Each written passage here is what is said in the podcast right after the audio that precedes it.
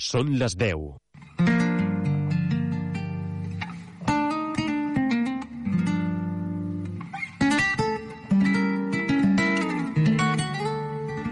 Benvinguts a Sons a Cau d'Orella, on la Vanera i el cant de taverna en són els protagonistes. Dirigeix i presenta Joan Brugués.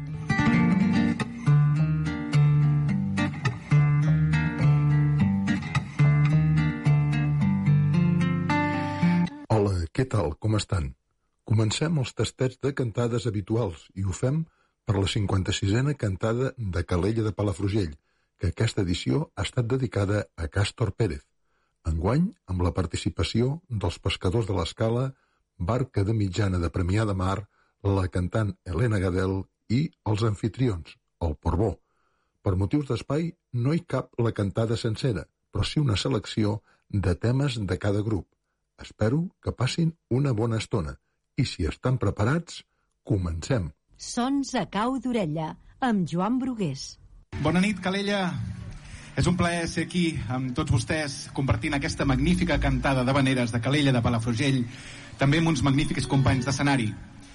I ara, per començar la nostra intervenció, farem una venera del príncep de la tenora, Ricard Viladasau, que va escriure compositor de moltes sardanes i també algunes habaneres, com aquesta que farem ara, La rosa dels vents.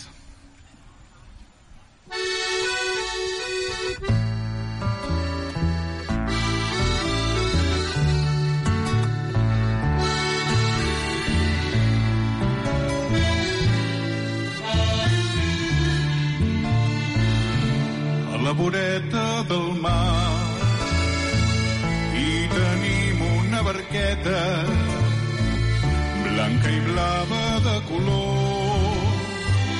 Amb dos rems i blanca vela té per nom Rosa dels Vents i té gràcia marinera. Quan navega mar enllà el compàs de la vanera a les coves en Gispert a Punta d'Alba per veure com surt el sol el vaivé de les onades i com dos enamorats ens direm dolces paraules i ens farem dos petonets arraulits dins nostra barca.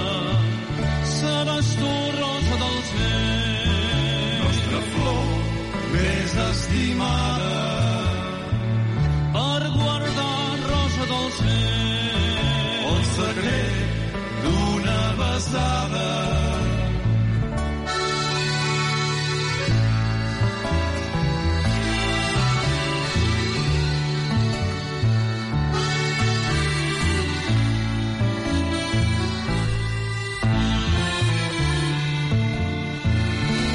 a la voreta del mar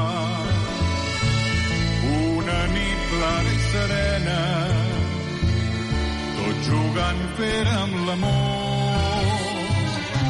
Amor de mar i sirena i a la rosa dels vents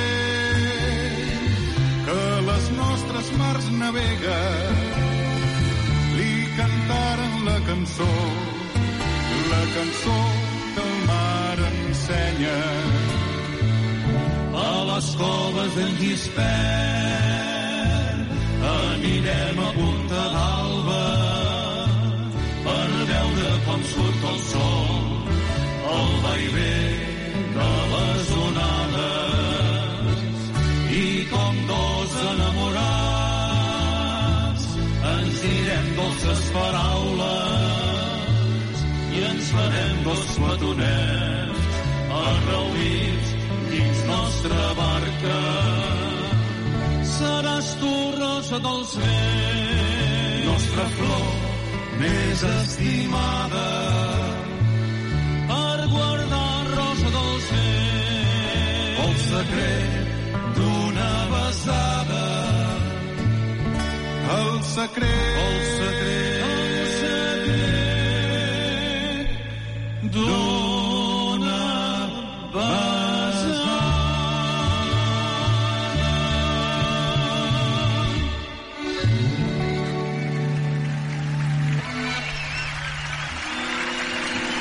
A continuació farem una vanera d'estrena, perquè l'estrenem aquesta temporada als pescadors de l'escala. Una vanera que parla de la bellesa en ve baixa, de la bellesa dels homes de mar, dels pescadors mariners, amb lletra de l'amic Carles Casanovas i música del nostre director Albert Prat, got a got.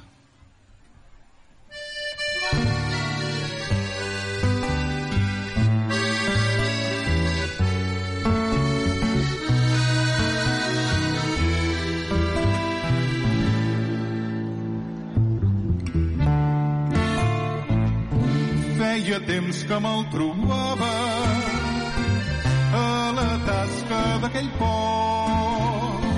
Sempre a la mateixa taula, assegut al seu racó. Amb prou feines s'hi parlava just per demanar el seu got, que xumava sense pressa, pessigant temps de l'amor. Ell patró de mars desfetes, de mars braves i de grocs. Ara cingles boira densa, més espessa cada glob. Sense somnis ni esperances, ni desitjos ni il·lusions, ni delit ni cap fulgança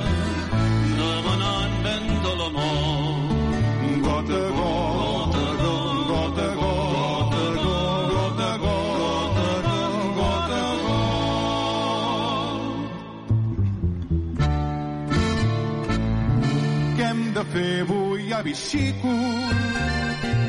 Doncs ja ho veus aquí esperant, comptant hores maleïdes que no acaben de passar. Campana i els amics tots han marxat. El meu sol no escalfa massa i les nits ja fan fredar. Ell patró de mars desfetes, de mars braves i de gros. Ara cingles boira densa, més espessa cada glob.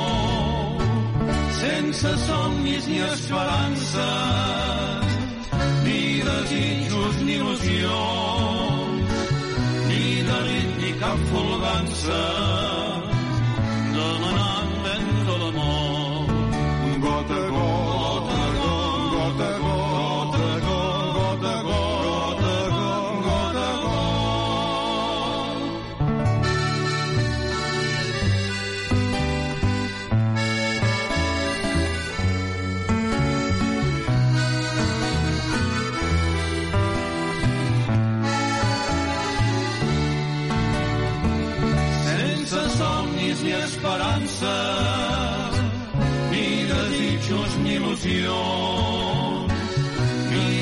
ni cap folgança, demanant l'amor.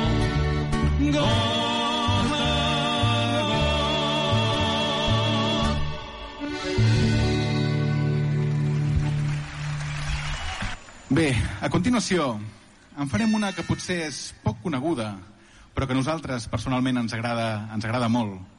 Feta amb lletra d'un poema d'Antonio Serrano i amb música de l'amic Castor Pérez. La Habana se llama Elena.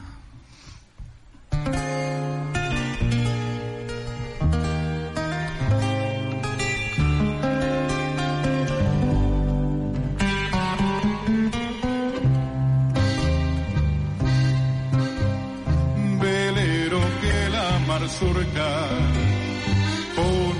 escolta de sirena. Llévame a la isla de azúcar, en donde me espera arena. Sus ojos tanto destellan, dan tanto brillo y socorro, que no necesito estrellas ni la farola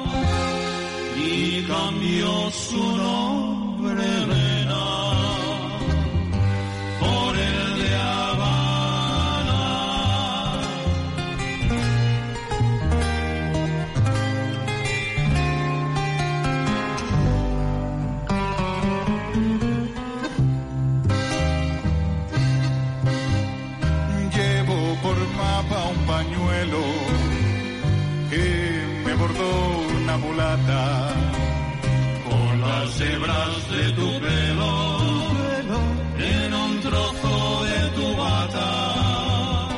Ya se ve la costanera, ya se toca el malecón.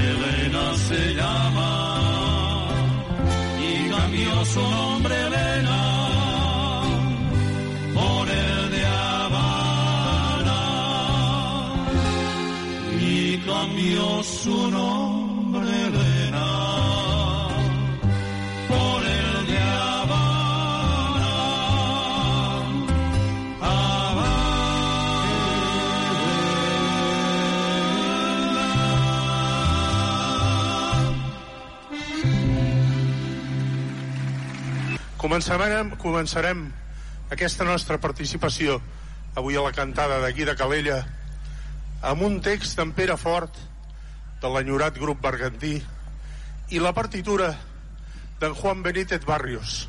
Aviam si us agrada aquesta versió que us hem preparat d'una peça que porta per nom Enyorança.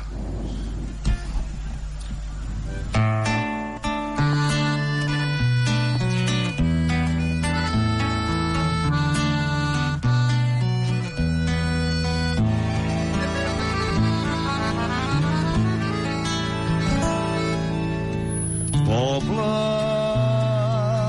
que vora el mar descansa, de cel molt blau i blanques cases, penso en tu, sento a passar el temps dolça enyorança, pol de gavina sota un cel rogent, al meu món. I blanca escuma, somnis d'infants sota la lluna, vora el mar, barques, records d'amor, dolça tendresa, en nits d'estiu de jovenesa, primer vers.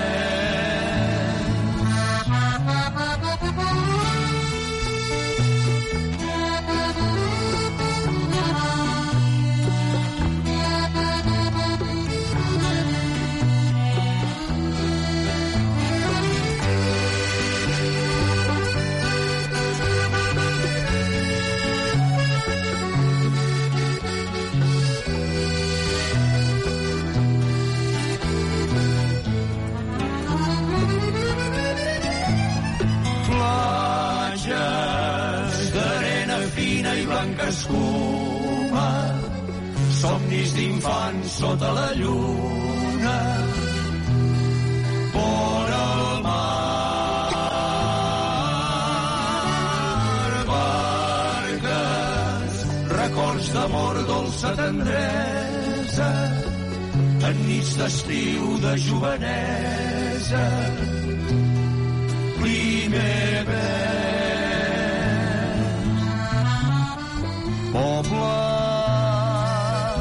El vent i el mar et guarden.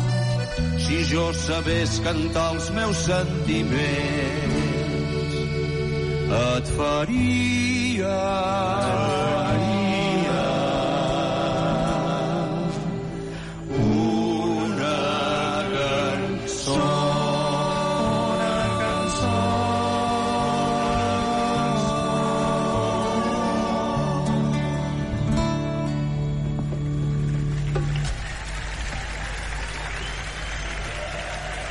Us volem fer ara una peça, una peça molt bonica, molt, molt poc sentida. És una manera que en Josep Bastons, d'aquí de Palafrugell, i l'Alfred Almeda van fer, és la història de la filla d'un pescador que s'enamora del mar. La cançó d'Albert Mar, aviam si us agrada.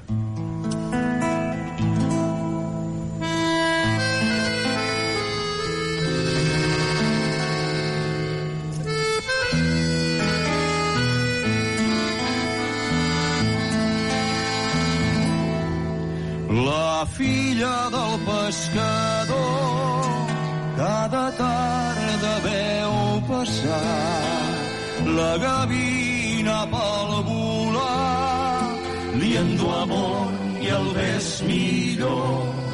Del cel d'aure i de claror per romandre en el verd mar d'ençà aquell la van cisar un capvespre de tardor. I el mar encisador ara es deixa captivar sentint la nua bellugar entre onades de verdor quan li canta amb dolçor. Com m'agrada ser-ne onada com m'agrada ser-ne esquist quan et tinc tota abraçada i es compleix el meu desig. Quan et trobo bressolada i em bressoles tu a mi. Que en tenir-te així agafada sento nues al meu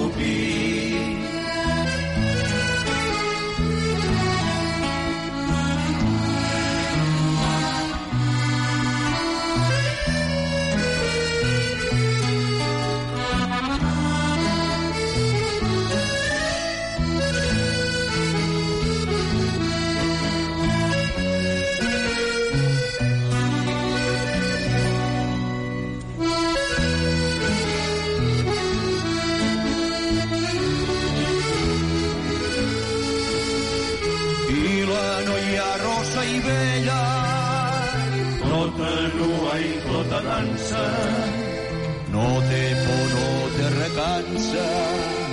De que el mar s'abraci amb ella el mar s'abraci amb ella. Com m'agrada ser-ne onada com m'agrada ser-ne esquís. Si tu em fossis l'estimada no hi valdria cap caprís fora el ruix i mi nevada de la mà d'un sol desig. Marejol i revinclada sota els secrets de la nit de la nit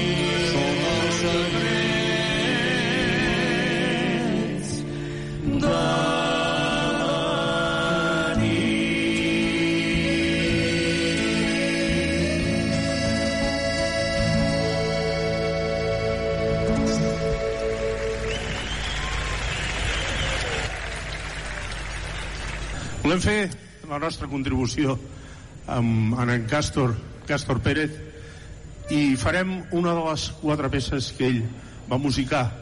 Estem parlant d'una peça molt bonica, molt poc coneguda, que porta per nom El mariner feliç.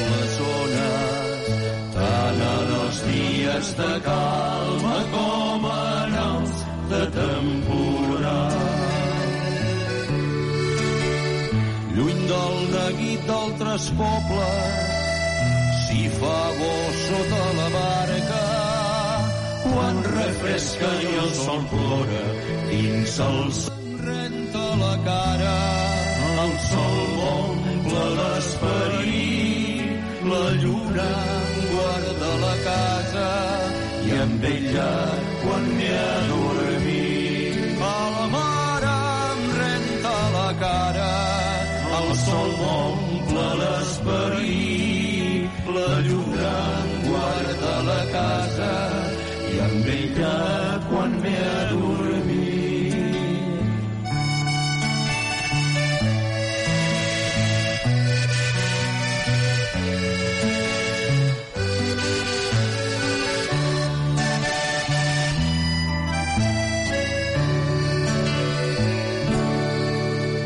Menjo dels fruits de la mar,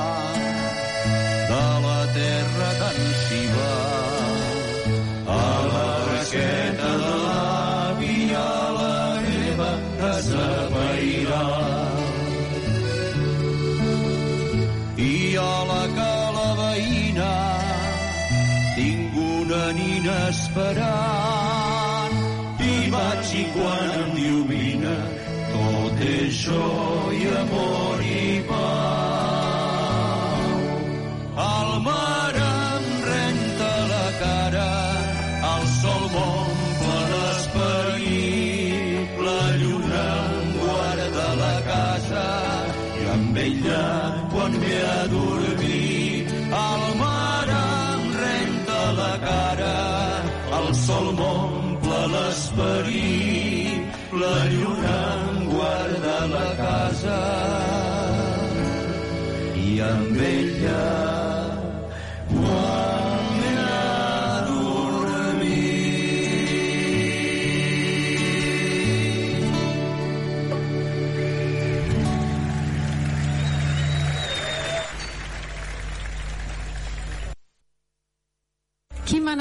A mi aquest moment ara mateix?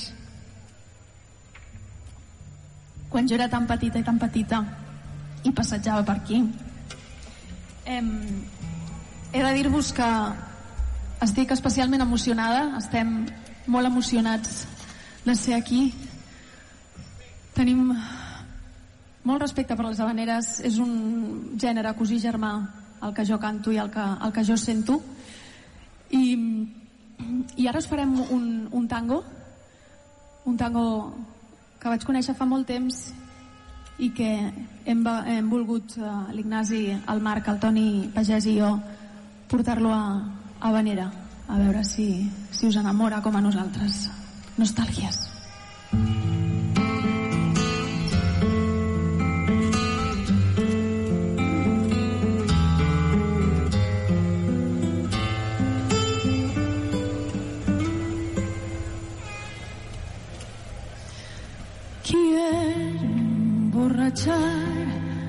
corazón para pagar un loco amor que más que amor es un sufrir.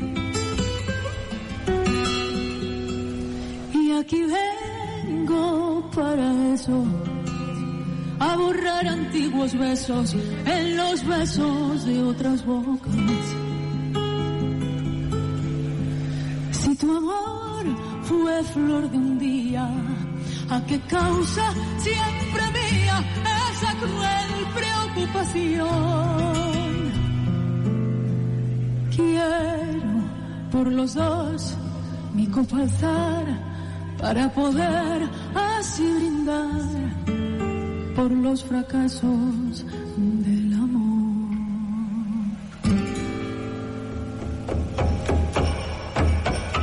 Nostalgia loca y sentir junto a mi boca como fuego su respiración. Angustia de sentirme abandonado y pensar que otro a su lado pronto, pronto le hablará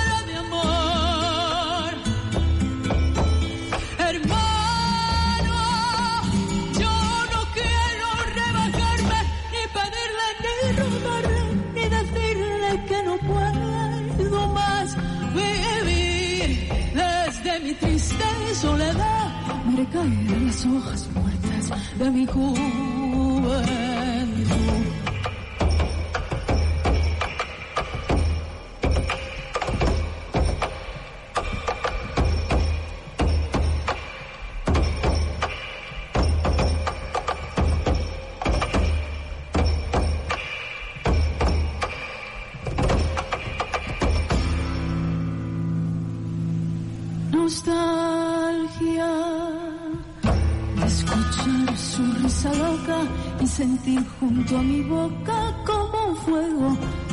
Respiración.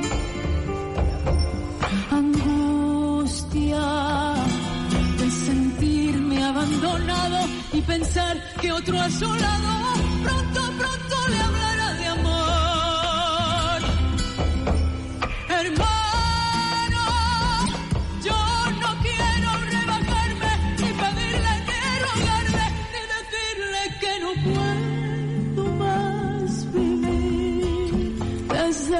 triste soledad veré caer las hojas muertas de mi juventud. I ara una cançó que hem publicat recentment, pertanyen al nostre darrer disc, La dona que em vesteix. La cançó és, es diu Et confesso, i hem fet el mateix experiment. L'hem portat a Vanera.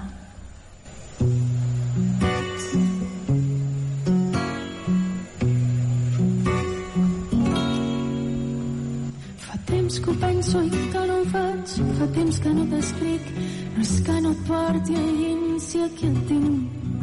Ets tan gran, tan poderós i tot ho fas tan bé. Discretament sé que no em creus, sé que no m'entens. Segons de retorn que fan olor de tu, es barregen amb silencis d'humitat i llum que crema els ulls del que va ser i no serà. Esfollant pètals d'enyor a cada pas que faig, però et confesso, amor meu, que ets l'únic per qui em batega el cor, l'únic per qui ballen els meus peus, i et desitjo el bé del món, que arribi aviat a tu l'amor que pots i vols. Distància que cura les ferides del passat, distància que ens deixa viure el present triat. Deixa'm ser la capritxosa només un instant per tornar a ser la princesa que amb deliri vestria, però et confesso, amor meu, que ets l'únic per qui em batega el cor, l'únic per qui ballen els meus peus. I et desitjo el bé del món a tu l'amor que pots i vols. I som-hi, que el teu cos gran m'abraçarà i em salvarà de la foscor.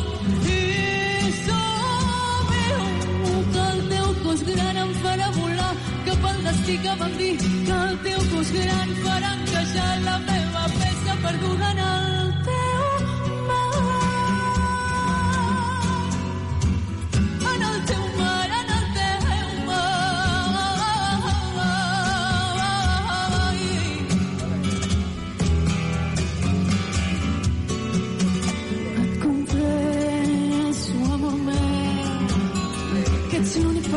batega el cor, l'únic per qui ballen els meus peus i et desitjo el bé del món. Que arribi aviat a tu l'amor que pots i vols. Et confesso, amor meu, que ets l'únic per qui ballen els meus peus i et desitjo el bé del món que arribi aviat a tu l'amor que pots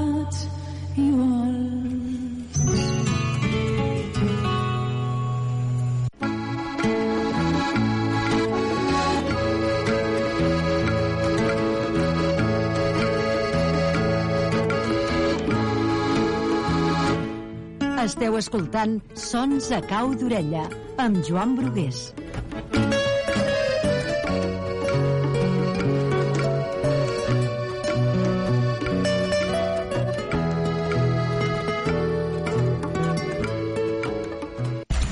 Ara bé, un moment molt i molt i molt especial.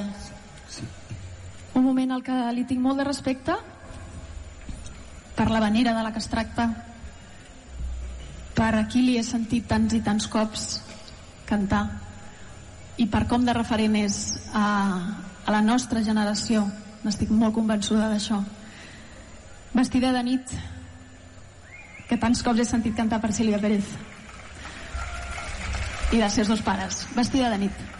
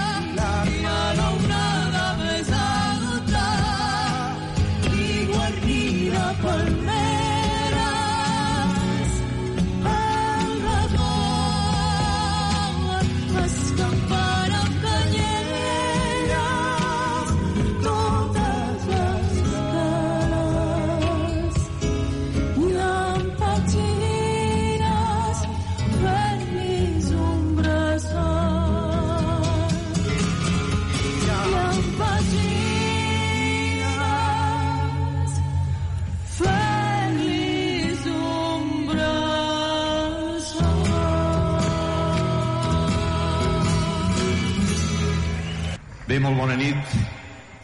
Ben trobats, benvinguts després d'aquesta extraordinària actuació que hem acabat de veure conjuntament amb la dels companys que han cantat abans de nosaltres, el grup Porbó de Calella de Palafrugell, com no molt content un any més de compartir aquesta estona de veneres amb aquesta cantada tan important, la de Calella de Palafrugell. Començarem, sense més preàmbuls, amb una peça, una peça en català, una peça important per al Porbó, composada per el segon director d'aquesta colla, per Càstor Pérez, conjuntament amb Glòria Cruz, ens van emportar aquesta petita perla que porta per nom Temps perdut.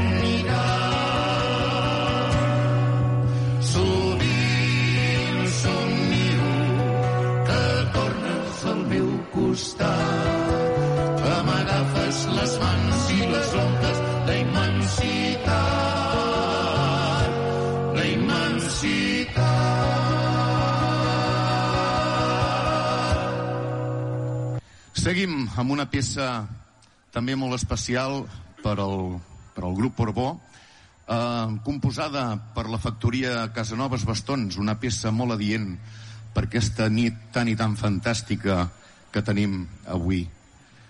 La, la història entre una sirena i una lluna tan preciosa com la que tenim aquí darrere aquesta nit. La sirena i la lluna.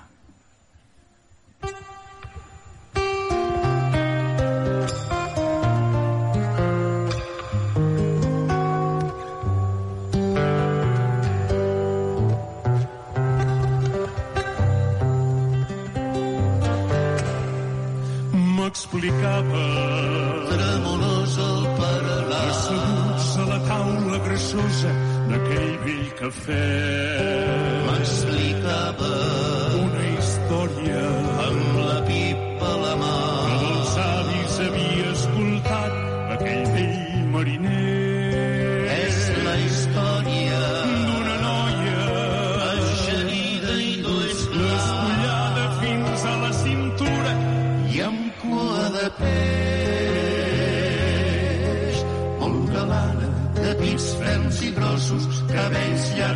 llargs i blanca de pell.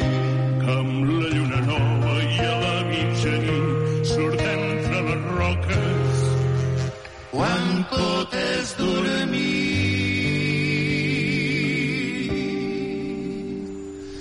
Sirena que cantes en nits de foscor i amagues la cara la lluna plena perdudes i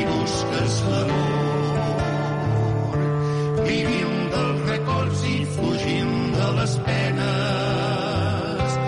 La lluna escoltar la cançó que canta la noia vestida d'escates, fuig de la claror. No vol que lluna li besi la galta, amb la lluna nova i a la mitjanit surten entre les roques quan tot és dormir.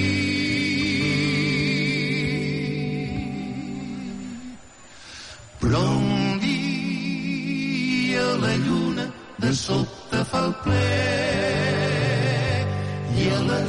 sireneta il·lumina la cara. I des d'aquell dia ja no se'n sap res. Del cant que les nits despertava les cales. I diuen que diuen que diuen que han vist quan pampallugueja la lluna a l'aigua.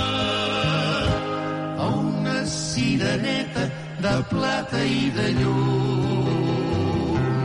I a una lluna blanca en cua d'escates a una sireneta de plata i de llum. I a una lluna blanca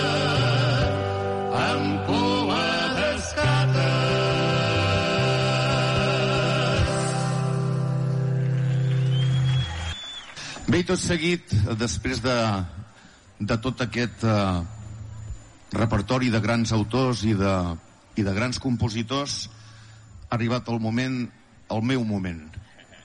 O sigui, sóc un autor que no coneix ningú, però aquesta nit tenim el goig, el grup Orbó, de presentar-vos una peça escrita lletra i música per un servidor, una peça molt romàntica que esperem que us agradi molt, porta per nom Per a ti.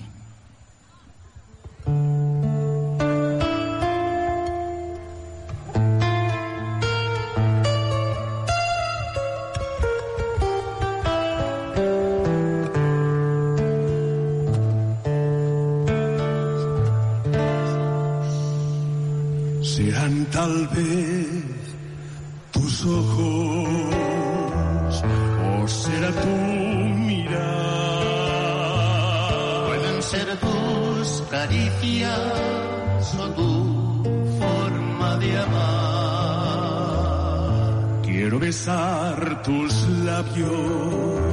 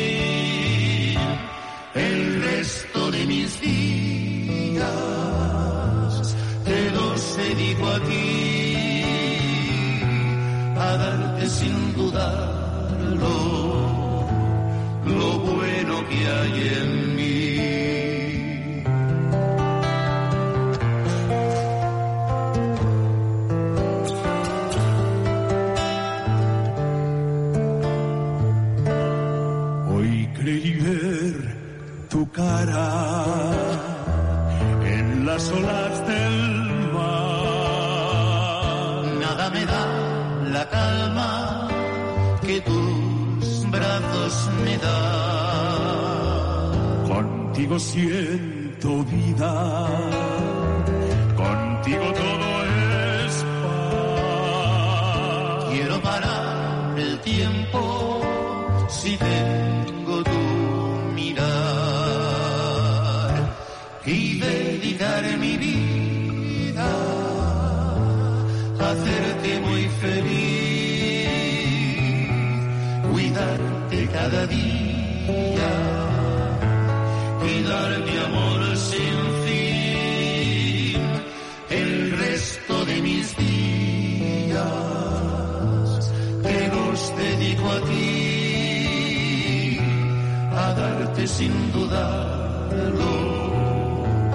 lo bueno que hay en mí,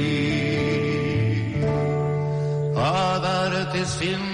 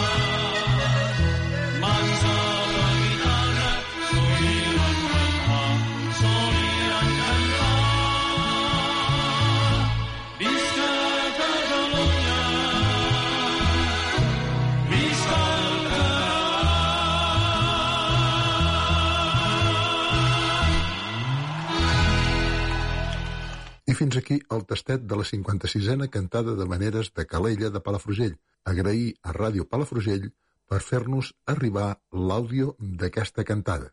De la meva part, res més. Gràcies per la companyia i atenció i fins la propera. Adéu-siau. Heu escoltat Sons a cau d'orella, una producció de Ràdio a l'Escala per a la xarxa de comunicació local.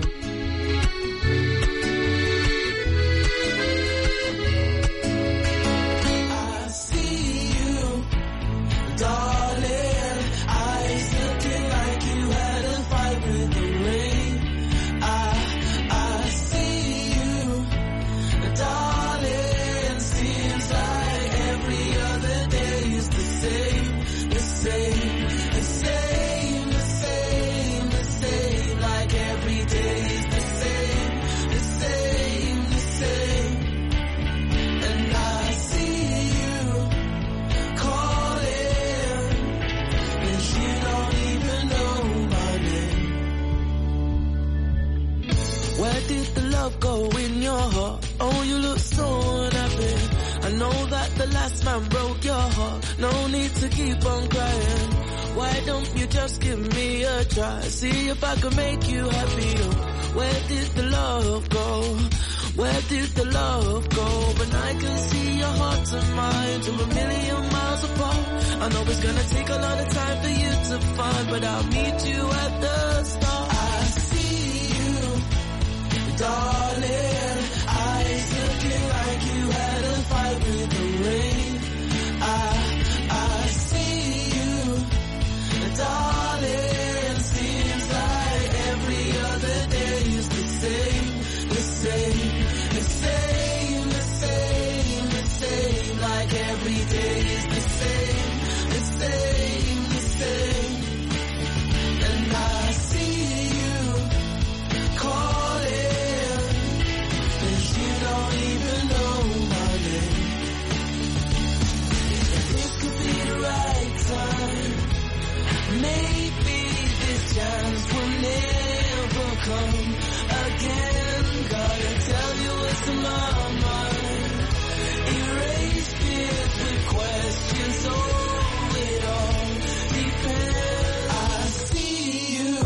Seven years strong with my therapy, making mosaics of my memories. Puzzled with doubt, I'm my closest enemy.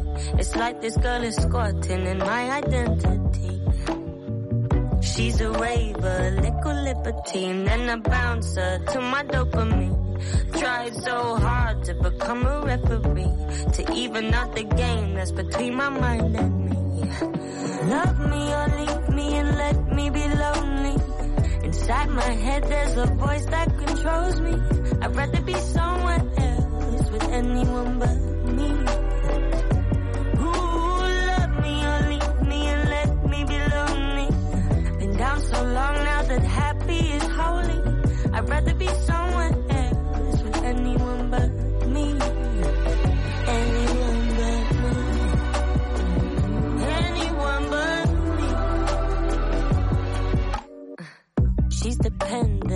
my man and wife, Peckham preacher, giving bad advice. She just does the spending and then I pay the price. Trying to be Khalees, but she always tricked me twice.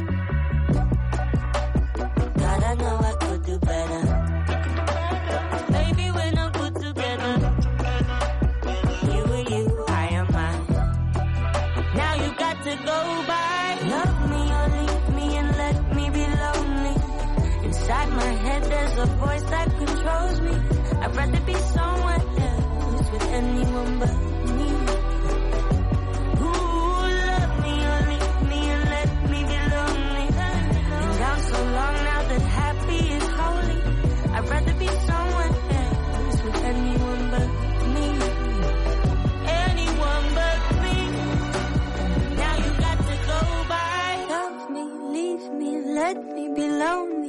Inside my head, a voice that controls me.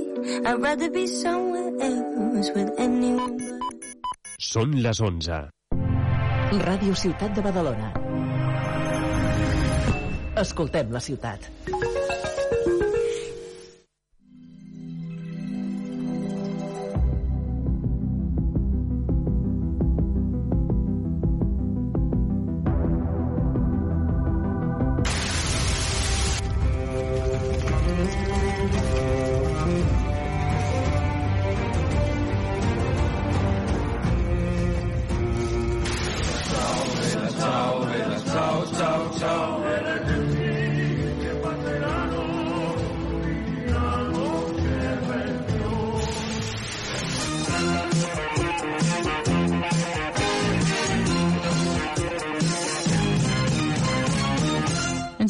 Nova entrega de la jove en sèrie, l'espai de sèries du a Ullei de Ràdio. Sergi Guiu, bando, són molt bones. Hola, molt bones. I avui ens toca repassar estrenes del mes de juliol, que arriba d'un nidó, carregat de coses per l'estiu. Eh? A mi m'ha Molt bé. sorprès, m'ha sorprès, ho he de dir. Bueno, Millor l'agost. després, després ja veurà la segona part de juliol, ja veurà. Sí, el que passarà. després la cosa segur que cau en picat, però bueno, en qualsevol cas, eh, aquesta primera quinzena hi ha moltes coses que s'han estrenat i s'estrenaran. Una d'elles és la sèrie Ghosts of Beirut, Fantasmes de Beirut, a Sky Showtime.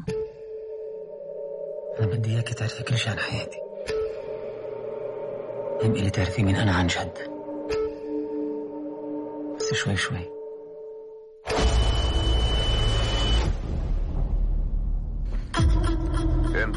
Explica la història d'un terrorista que es diu Mugniller, de 21 anys, també conegut com el Fantasma, que és, atenció, el responsable de més morts eh, nord-americanes que qualsevol altre individu abans de l'11 de setembre. Amb 21 anys? Amb 21 anys. Sí. déu nhi Sí, sí, sí. Molt bé. És una sèrie que s'explica des de les tres perspectives, la nord-americana, l'israeliana i la libanesa, i el segueix des dels seus orígens en barris eh, marginals xiites del sud de Beirut fins a, doncs, que es converteix en aquest terrorista suïcida. Eh? Una tàctica com, que, com dèiem, va, va doncs, eh, matar molta gent.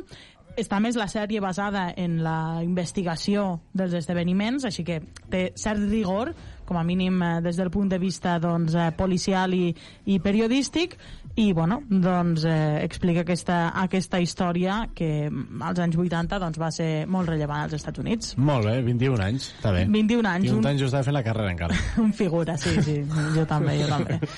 En fi, bueno, doncs aquesta història s'explica a Ghost of Beirut, que com dèiem s'ha estrenat a Sky Showtime, i eh, també s'ha estrenat ja a Movistar Plus una comèdia que es diu Poquita Fe. Hostia. Eso es buena suerte. Joder. Llovía mierda, literalmente. ¿Pero cuántas son? Dice el supervisor que son dos. ¿Cómo van a ser dos? Una comèdia de 12 capítols de 15 minuts cadascun que explica un any a, a capítol per mes, diguéssim, en la vida de Berta i José Ramón, interpretats per Esperanza Pedreño, que és la Cañizares de Càmera Café, Sí? i Raúl Cimas, eh, l'humorista. Cañizares era la que sortia amb el Bernardo, que sí? Era la que era molt porter del, paradeta. del Sí, València i del Madrid. Molt bé. Qui? Cañizares. Ah, molt bé.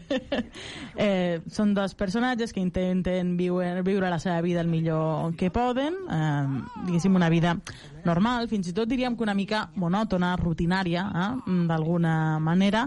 Ell és eh, molt somiador, ella, doncs, diguéssim que és eh, més eh, continguda, i, bueno, a partir d'aquí, doncs, eh, veiem el seu dia a dia, eh? Molt bé. Una Pues comèdia Espanyola. a l'uso, sí. Eh, bueno, no té més. Raúl Poquita, poquita fe li tinc jo. Sí. a aquesta comèdia, jo. Bé, però és una proposta interessant. Ves, episodis curtets, única temporada, 12 capítols... Bueno, Sí, jo crec que la clau està en si, si t'agrada o no t'agrada Raúl Cimas. ja, sí. Perquè totalment. Raúl Cimas o t'agrada o no t'agrada. Totalment. Llavors, Jo, bueno, clar, és que no, no he, crec que no he vist actuar mai a Raúl Cimas, però jo... el però l'has Raúl- hagut de veure amb el Buenafuente. el Raúl Cimas, el Raúl Cimas col·laborador m'agrada. Sí, bueno, jo crec que és una mica el, el mateix, eh? Sí? Vull dir, crec que crec que no fa gaire paper perquè fa una mica d'ell mateix, em fa l'efecte. El Raúl Cimas eh? col·laborador està bé, està bé. Doncs això. Jo Raúl Cimas recordo Museu Coconut. És que jo no els tinc... Jo els tinc tots ubicats, però no els he vist... Els he vist molt amb col·laboracions de programes, no actuant en sèries o en coses com aquestes. Mm. Bueno, jo, jo tampoc... Rec... O sigui, Raúl Cimas no ha fet moltíssimes coses d'actor. No. Alguna n'haurà fet, però tampoc diria que moltíssimes. Bueno, sortir, sortir les típiques pel·lícules que en surten Sí, 68. pot fer algun I a les típiques així, paròdies no? de, de... Bueno, a les paròdies que feien a Muchachada i totes aquestes coses, ell era un dels que feia personatges, no? Sí, Ara no, no ho sé, dic no sense sé. saber-ho, Sí, sí, sí, eh? és del grup. De Que és del grup segur, Sevilla i però una cosa és estar davant de la càmera i una altra cosa és estar darrere. No, no, està bé, està bé davant. Bueno, doncs això, Poquita Fe a Movistar Plus, ja s'ha estrenat, i també s'estrena avui 5 de juliol a Disney Plus la sèrie Te estoy vigilando, de Watchful Eye. Come out, come out, wherever you are. I think my niece Allie was pushed off that ledge. Una sèrie d'intriga, de- d'espies una mica, eh, protagonitzada per Elena Santos, una jove que té un passat complicat i que s'obre camí treballant com a cuidadora de nens interna eh, per una família acomodada a Manhattan, on aviat descobrirà que tots a, a l'edifici doncs, tenen secrets eh, mortals, motius ocults, i ella li agafa tot plegat una mica al mig. Eh? Ostres, mira que m'ha semblat interessant, però el 4,8 que té a Film Affinity potser em fa tirar endarrere, eh? Bueno, Sergi, això per tu no vol dir res. Sí, sí, sí, sí. Quina nota té Elite a Film Affinity? Elite, aprovadís... Us quedareu sorpresos. Deixa'm un segon. Mira, Elite Film Affinity, jo t'ho busco ara ràpidament. Però has de vaig mirar aquí. IMDB, que és una mica el... Jo considero que és el més fiable. No, fi, però Film Affinity és més estricte que IMDB. Sí? Film Affinity fiquem més mala nota que IMDB. Ah, vale, vale. Quina nota diríeu que té Elite a IMDB? Un 6. Jo, a veure, no sé, 5 i mig. 5,4. Mira. I ara vaig a comprovar això que us dic de IMDB, potser amb aquesta en concret no és el cas, eh? però sí que jo m'he trobat, sobretot en pel·lícules, que... IMDB, bueno, sí. IMDB jo per mi és la millor, però a l'hora de ficar les puntuacions eh, és una miqueta més generós que, que Film Affinity. Ostres, quina nota té Elite a IMDB? No ho sé. Un 3. 4. 7,3 Mare meva. sobre 10. IMDB no és un portal Per fiable. això, per això jo sempre vaig primer a IMDB. Ara, mentre anem per, parlant, aquest, per aquest pugi l'ego, eh? mentre anem parlant vaig a buscar perquè si és un 4, coma algo a Film Affinity a IMDB li hauran ficat un 6 i pico amb aquesta sèrie. Va, seguim mentre tu busques amb una sèrie així una mica, bueno, lleugereta, fins i tot adolescentoide eh, de Netflix que es diu De vuelta a los 15. Buenos días, Anita. No habrás olvidado qué día es hoy, ¿verdad? Eh, vives en Sao Paulo, ¿no? ¿Cómo te van las cosas por allá? Sí, tía, vivo... Una sèrie brasilera que estrena la seva segona temporada, però m'ha fet l'he posat perquè us volia fer la pregunta. La sèrie segueix Anita, que és una noia de 30 anys, descoberta amb la seva vida, que per accident descobreix que hi ha una manera de viatjar en el temps als seus 15 anys, ¿vale? i eh, bueno, decideix viatjar-hi per tal de refer la seva història. La meva pregunta és, si poguéssiu tornar a tenir 15 anys, viatjaríeu en el temps enrere per canviar alguna cosa? No, no, no. No, no, no, no, no. Però, clar, dels 15 cap aquí representa. Dels Sí, 15 clar. als 27, en el meu cas. Segurament. Sí? Sí? Segurament sí. El problema és que no és als 15. Potser és una miqueta més endavant. Bueno, però ja t'esperes. potser, potser és als 25, m'entens? o als 26. I llavors m'he d'esperar fins llavors. Home, però tenint en compte que pots viatjar amb el temps, home, en lloc de viatjar 15 anys enrere... Jo viatjaria- No, Eh, però has de, via, viatges als 15, Clar, no pots triar als un 15, llavors viatge. te menges, No te pots menges triar. un altre cop, venga, el batxillerat i la selectivitat. Però, i... però el fas amb totes les... el que Ah. tu ja saps. Potser no estaria a Uller de Ràdio, llavors. A mi saps què em passaria? A mi, d'entrada et diria sí, però hi hauria... eh, Tindria la por de les coses que m'agraden de la meva vida fer-les diferent i que canviessin.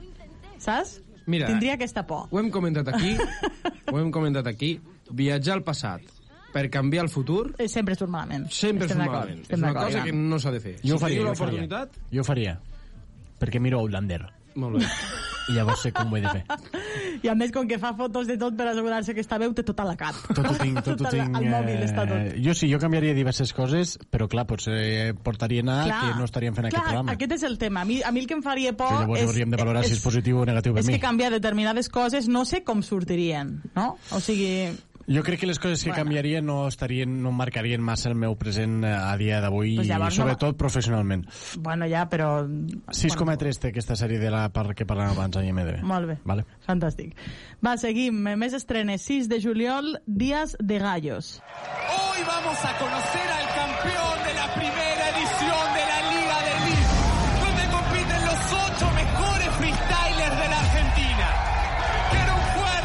Segona temporada d'aquesta sèrie argentina d'HBO Max, que eh, s'endinsa en el món de les batalles de freestyle de rap, conegudes com batalles de gallos, eh? a través de les històries de tres personatges, Rafaela, León i Andy, tres joves que volen eh, doncs, eh, guanyar-se un lloc en aquest món de les batalles de gallos, del freestyle eh, del rap, mentre bueno, eh, entren aquí i, i bueno, pues a partir d'aquí eh, relacions más menos no? eh, piques professionals eh, tot una mica Molt bé. està bé Bueno, No? Eh, és, és, Bueno. és, és la típica que si t'agrada aquest univers segurament Sí. sí. pot, eh, com a mínim potser no t'acaba agradant la sèrie però la miraràs al principi i diràs quina sèrie més dolenta i si no t'agrada aquest univers és una manera per endinsar-te en aquest univers Jo, sincerament, no m'agrada aquest univers i, i, i el fet de que no m'agradi aquest univers fa que no em cridi gens aquesta sèrie, eh? Sí, però ni per curiositat de... A veure què tal... No, no, no. Jo- bueno, jo ja, ja, ja sé que la base és tal, no, no em vull saber res. la, ba- mai millor dit que la base és tal no? Bueno, en fi. va, seguim també 6 de juliol arriba a les plataformes Blackport Hey, where you boys from? Iceland.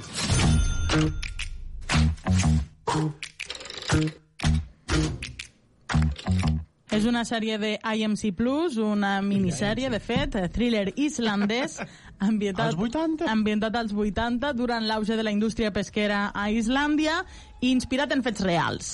Segueix eh, la vida de Harpa i Grimur, una parella que juntament amb els seus infa amics d'infantesa construeixen un petit imperi pesquer però diguéssim que la lluita pel poder acaba corrompent a la parella i dona com a resultat doncs, una enemistat entre tots dos. mm, molt bé Està bé. sí. El, el, el to de la sèrie em recorda una mica a Fargo, saps? És com aquest thriller, però amb uns punts de, de comèdia molt negra, no? Fargo O sigui està que- viu o no? Eh? Fargo està viu? Se suposa que estaven fent la cinquena o la sisena temporada, sí, però... sí, que hi sortia, sí, em van parlar a Fargo Sí, veritat, poc, no? sí, que hi és veritat. sortia... Qui Ja em sortirà el nom. Sí, home, Jodie Foster havia de ser la prota, no? No, això era True Detective. Ah, vale. És que a Molt vegades, bé. a No tinc el vegades mòbil, no a la meva buscar, ment... Això era True Detective 100% que ja hi ha el sí, sí, tràiler sí, sí, i tot. sí, sí, sí, sí, sí, tens raó, tens raó. Doncs no ho sé si està viva Fargo, la veritat. Molt bé, vaig no, a no, veure. tinc idea. Eh, Busqueu... estigui, que estigui en emissió no, no vol dir que estigui viva. No, no, que viva, veritat. jo em refereixo. Quan dic és que... veritat. Una cosa és viure i una altra sobreviure, eh? Correcte. Després, abans d'acabar, parlem de qualitat, vale? Vale, d'acord. hi penso. vale. També s'estrena eh, la primera part de la segona temporada de l'abogado de Lincoln. Molt bé.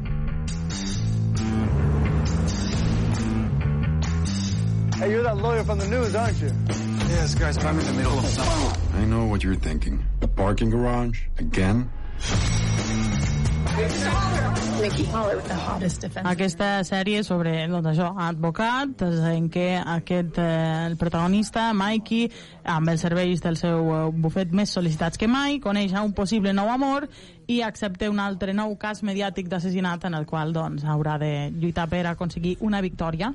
És la primera part de la segona temporada que s'estrena a Netflix aquest dia 6 també i el 3 d'agost arribarà la segona part de la primera temporada. A tu no et va agradar, no? El què? Aquesta? No l'he mirat, no l'he mirat. No, ni la vas començar? No, no, no, no. no, no. Ah, és que jo pensava, no sé, aquí... Jo, Toni. jo la vaig mirar i em va agradar bastant, i la vaig recomanar, pensava que era aquí, veig que no. Està bé, és entretinguda, a més el, el, el prota ho fa bastant bé, versió original, eh? recomano aquesta si és possible. Eh, hi ha bones interpretacions, evidentment t'ha d'agradar una miqueta aquest univers de, de la fiscalia i dels Mhm. judicis, però hi ha molt més que això, ja perquè representa doncs, que és un abogat que en els seus temps xumava una miqueta de més i és bastant mujeriego. Ah, mira. Però, però, què passa? Que arriben els capítols aquests on dels 40 minuts 38 sí. són del Judici. judici. i són espectaculars. Molt bé, I la recomano, és entretinguda, Netflix. molt bé. Versió original. Doncs l'abogada de Lincoln, aquesta segona temporada que arrenca a Netflix. Més estrenes, 7 de juliol, eh, arriba a Amazon Prime Video. Aquesta m'ha m'ha fet gràcia per l'enrevessat de l'origen de la sèrie. Es diu La tràgica història de Dolores Roach. 16 years they locked my ass up for possession with intent. Dolores Roach in the flesh. It's been like forever, mommy. You look like shit. Well, um, La protagonista és Justine Machado. Eh, és una sèrie de terror basada en un podcast inspirat en Sweeney Todd. Vale? Moltes capes, eh? Clar, per això, per No sé. això.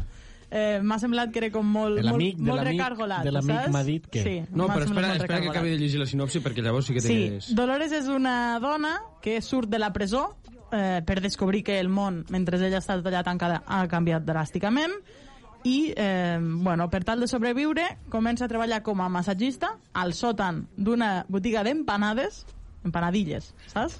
Eh, dirigida pel seu eh, amic drogadicte Luis. Fa ganes, eh, d'anar a comprar unes empanadilles la, aquí? entenc que la gràcia és que la gent va fer-se massatges, els maten i amb ells fan les empanadilles, perquè no, Ah. si està inspirat en Sweeney Todd, algo d'això hi ha d'haver. Eh, no conec la història. Jo tampoc. Sweeney Todd era un barber que a alguns dels clients que anaven els matava els, eh, bueno, Ah. i, i els aprofitava de su carne per vendre empanadilles al restaurant de la dona que estava al costat de la barberia. Ah, molt bé, bueno, ostres. No, sí, eh, ment de- ment de- bones, eh? Quin és el secret Mentalitat de tiburón. empanadilles? Sí, la carn està muy tierna. Ara Sí. anava a dir una cosa i no me'n recordo. Ah, sí, crec que s'hauria de començar a prohibir que eh, en el món audiovisual es comenci la sèrie o la pel·lícula amb X persona surt de la presó. Per què? Ja massa, ja. Ja n'hi ja ha prou. Bueno, però- Ja està bé. Tampoc ho trobo un tòpic Sí, massa... no, jo tampoc. Jo... Aquí, aquí n'hem repassat molts, eh? Bueno, ja, però hi ha tòpics pitjors. Chico conoce a chica i s'enamoren. És que, clar, això... Aquest, aquest és bonic, perquè... Amb aquest és bonic depèn. Aquest és bonic. Jo prohibiria aquest. Vale, Ja bueno. Que, senyors que fan sèries, el Sergi ha donat la seva opinió. Un altre, Sisplau. no, no, sé, poden haver-hi un altre boom, un altre mm, esclat de la història. No cal que sigui surto de la presó. Bueno, ja, però, però Bueno, això et dona un background clar, que clar. ja... No? Background. Va, eh, seguim. El resort a Movistar Plus. So, what brings you to Tacumar? Vacations and the kids? Oh, no, kids. That ship has sailed. It's our 10-year anniversary. Safety, as they will get... La sèrie ens explica la història de dos adolescents que estan de vacances amb les seves famílies, es coneixen en un resort de la Riviera Maya, a Mèxic, poc abans de desaparèixer sense deixar rastre, just la nit abans de l'arribada d'un huracà. Vale? 15 anys després d'això, dos nois, eh, una parella, arriba a aquest eh, resort per celebrar el seu desè aniversari i, diguéssim, reviure la flama del seu matrimoni i allà, eh, sense voler, troben una pista sobre el, on podien haver estat aquests nois. Troben Mm. el mòbil del noi que va desaparèixer fa 15 anys i decideixen portem-lo a la policia? No. Diuen, vamos a investigarlo nosotros. Mejor, ¿Qué sí. puede salir mal? No? Molt bé. Bueno, doncs això, una mica... Com és una mm, sèrie de suspens amb tocs de comèdia, ¿vale? perquè, clar, si et poses a investigar-ho tu, pues és que si o li dones tocs de comèdia o serà un drama. És així. Bueno. Bueno, Movistar Plus, ¿vale? El Resort. I a Netflix també el dia 7 s'estrena Seducción Fatal. My love's on fire. Take those off. You breathe me guys have been having issue for so long.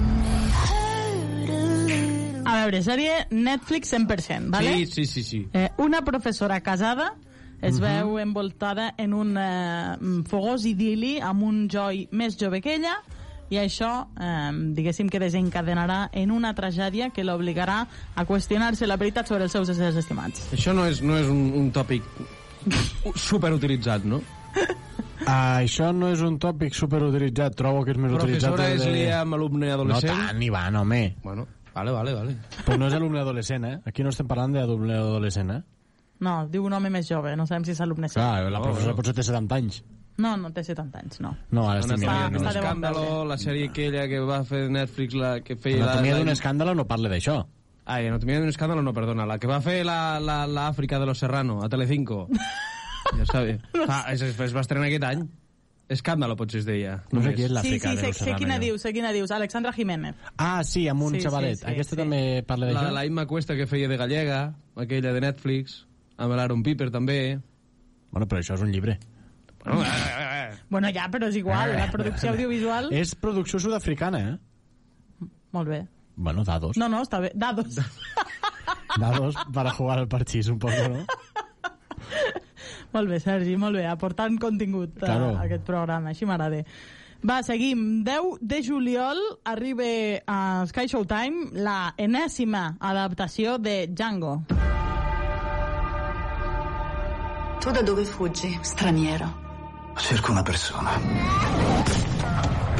Vieni avanti e di a questa brava gente il tuo nome. Bueno, eh, més o menys ja tots sabem de, de què va, Django no? italià. Sí, veig. sí, sí. Eh, Està basada en la pel·lícula de culte de Sergio Corbucci, eh, doncs explica la història d'un home que busca revenja i acaba lluitant per una causa més gran que ella, ambientada a Texas a finals del segle XIX. Django arriba a un àrid poble situat al fons d'un cràter, New Babylon, i en la seva missió busca els homes que van assassinar la seva família, però descobreix que la seva filla Sara ha sobreviscut, que està allà, que té 20 anys i està a punt de casar-se amb el fundador de la ciutat i ell doncs eh, no vol que el Django estigui al poble bueno, i empieza aquí una trifulca De que- trets eh, morts, sang i fetge. exacte, Perfecte. bàsicament molt Pues bé molt bé. Endavant. Ja- Però això és del Django desencadenado de Sí, bueno, és, Quentin o no? l'origen és tot el mateix Vale, vale. El, el Quentin ja estava basat en, en, En això. aquesta, sí, en aquesta pel·lícula Molt bé. i l'11 de juliol és una sèrie que no he trobat el tràiler Per, per què és de film? perquè és de filmin, és una sèrie alemanya eh, antològica de sis capítols eh, individuals, inspirats tots ells en relats de Ferdinand von Schirach, un dels escriptors d'històries criminals més reputats d'Europa, i eh, diguéssim doncs, que segueix aquests casos eh, judicials, tots ells peculiars, eh, i bueno, mm, alguns bastant truculents. Vale? Molt bé. Eh, hem llegit en algun lloc que la descriuen com el Black Mirror del món de la justícia. El Black Mirror del món de la justícia. Mm, molt bé. Vale. Si ha d'acabar com Black Mirror, fillets, no cal que ni que la mireu. No, home, no. Quina última temporada? Bueno, ja en va parlar. Sí, no. no. Quin desastre. Bueno, no passa res, Sergi. La, la setena serà millor. Segur que sí. tinc cap mena, no tinc cap mena de dubte. El 2028, quan s'estreni. Exacte.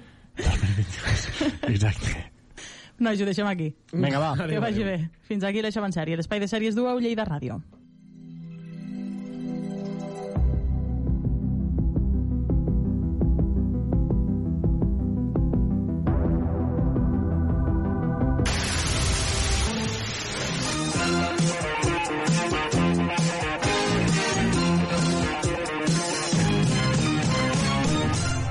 Ràdio Ciutat de Badalona. Escoltem la ciutat.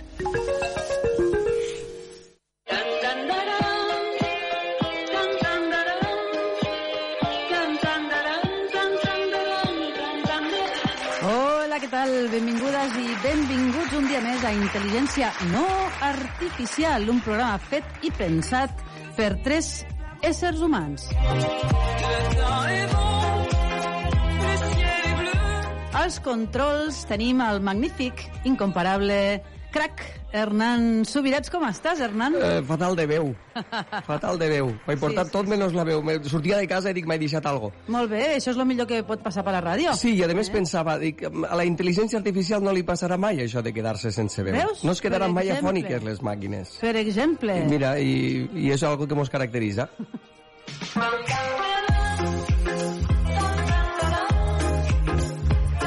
I aquí al meu costat tenim el magnífic i magnificent Pau Lleixa. Què tal, Pau? Molt bé, salutacions a tothom. La veu una mica millor, espero que Hernán, però bueno, en tot cas, doncs farem l'impossible, no? Cantarem, cantarem a duo. Avui un duet nostre seria espectacular. Fantàstic. Uns Bona idea. aguts Sí. increïbles. I també aquí la que us parla, Flaia Company, eh, encetant este, esta edició del programa Intel·ligència no artificial per a parlar de tot el que ens importa que és eminentment humà, allò que no importaria a la màquina, allò que no importaria al robot, eh, emocions, sentiments, creences, opinions, somnis, art, cultura, literatura, educació, la felicitat, coses que a una màquina no li importarien en absolut. I avui Avui, precisament, tractarem un tema que eh, a una màquina o una intel·ligència artificial no només potser no li interessaria, sinó que no podria, no podria fer res amb el tema que tractarem avui, una intel·ligència artificial. I quin és el tema? El tema és el tatuatge. Els tatuatges, per què ens els fem, per què després ens els volem treure, perquè...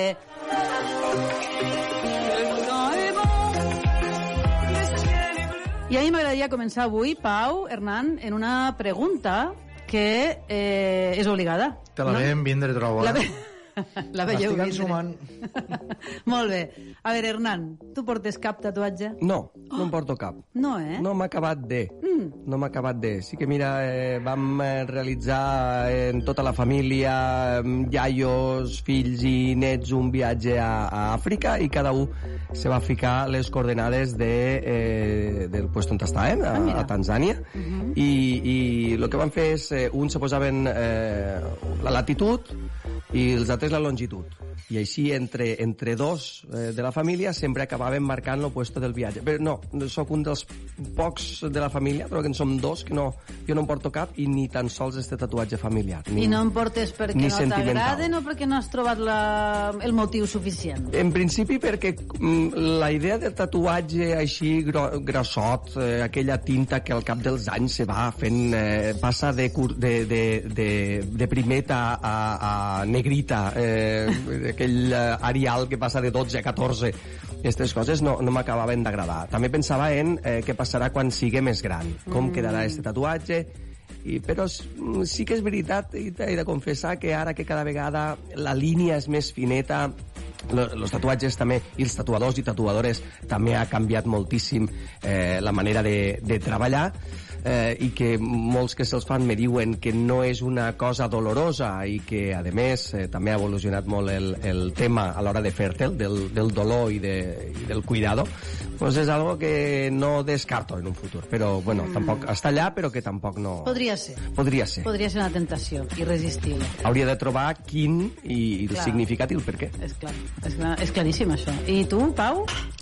Jo, clar, eh, la meva resposta és no també en principi, perquè ara li estava pegant moltes a la cosa i, i bueno, com que sóc una persona que a banda del meu gat dormo sol, també em preocupa que no m'hagi passat en algun moment de la meva vida algo semblant al que li va passar al protagonista de Ressaca a Las Vegas, Mm. aquelles típiques pel·lícules d'amics que se'n van de comiat de solter de...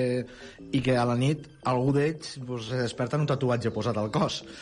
No sé, me miraré les pilles esta nit, però en principi la meva resposta és un no. No porto cap tatuatge Has de al mirar per detrás, eh? Perquè si el tens algun puesto, claro, si tens hi, ha, per davant- hi ha llocs que me'ls veig molt, molt, molt bé, però hi ha llocs que potser no me'ls he vist del tot bé. Parlo del clatell. Els garraps del, del, del gat no compten, eh? No compten. Vale. I quan suca en tinta ell, pobret, no, Tampoc, no, no compten.